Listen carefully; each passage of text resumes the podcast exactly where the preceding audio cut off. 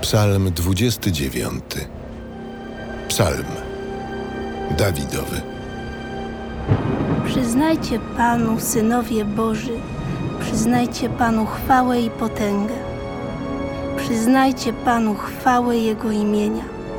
Na świętym dziedzińcu wielbijcie Pana. Głos Pański ponad wodami, zagrzmiał Bóg majestatu. Pan ponad wodami niezmierzonymi. Głos Pana pełen potęgi. Głos Pana pełen dostojeństwa. Głos Pana łamie cedry. Pan łamie cedry Libanu. Sprawia, że Liban skacze niby cielec i Sirion niby młody bawół. Głos Pana rozsiewa ogniste strzały. Głos Pana wstrząsa pustynią.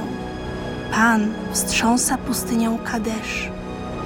Głos Pana sprawia bolesny poród kozic i ronienie owiec, a w jego pałacu wszystko woła chwała.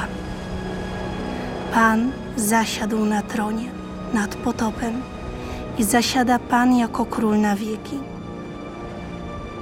Niech Pan da siłę swojemu ludowi. Niech Pan błogosławi swój lud, darząc go pokojem.